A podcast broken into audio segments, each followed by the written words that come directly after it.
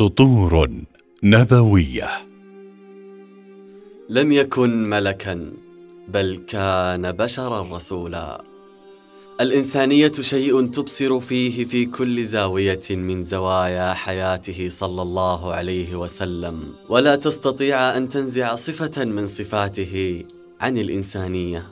فقد أراد الله انسانا ففي رحمته إنسانية. وفي شجاعته إنسانية وفي وفائه إنسانية وفي غضبه إنسانية وفي إنسانيته أرقى معاني الإنسانية. فقد كان النبي في كل فصول حياته يحاول أن يجدد معنى أنه إنسان يغضب ولا يرضى كالبشر ويحب ويكره كالبشر.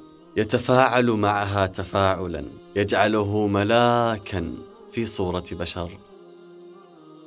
سطور نبوية.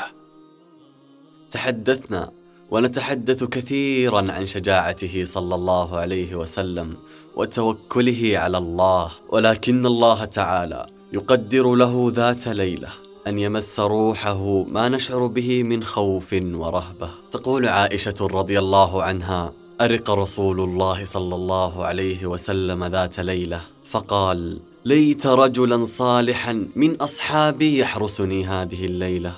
فقالت فسمعنا صوت السلاح. فقال رسول الله من هذا؟ قال سعد بن أبي وقاص أنا يا رسول الله جئت أحرسك. فنام رسول الله حتى سمعت غطيطة. كيف كنا سنتعامل مع مخاوفنا البشرية؟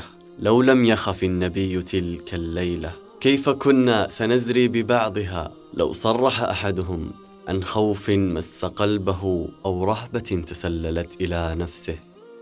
إنه الإنسان الذي تهب نسائم الرهبة على قلبه فيتعامل معها بإنسانية. حتى لا يلوم بعضنا بعضا حتى لا يظهر متقمصو النقاء والطهرانية.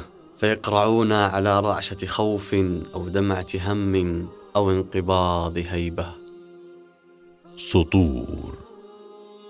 إن إنسانيته صلى الله عليه وسلم تريد منا ألا ننسل من احتياجاتنا. ولا نهرب من أحاسيسنا العفوية وألا نصنع لأنفسنا تماثيل ثم نطوف حولها. لن تكون حيا إذا لم تتحرك مع الحياة وفق حركتها العادية. أن تضحك إذا استدعى الموقف وتبكي إن اختلع قلبك وتعجب إن رأيت ما تهفو إليه النفوس وتخاف إن تسللت الرهبة إلى داخلك لأنه محمد. الإنسان. سطور نبوية.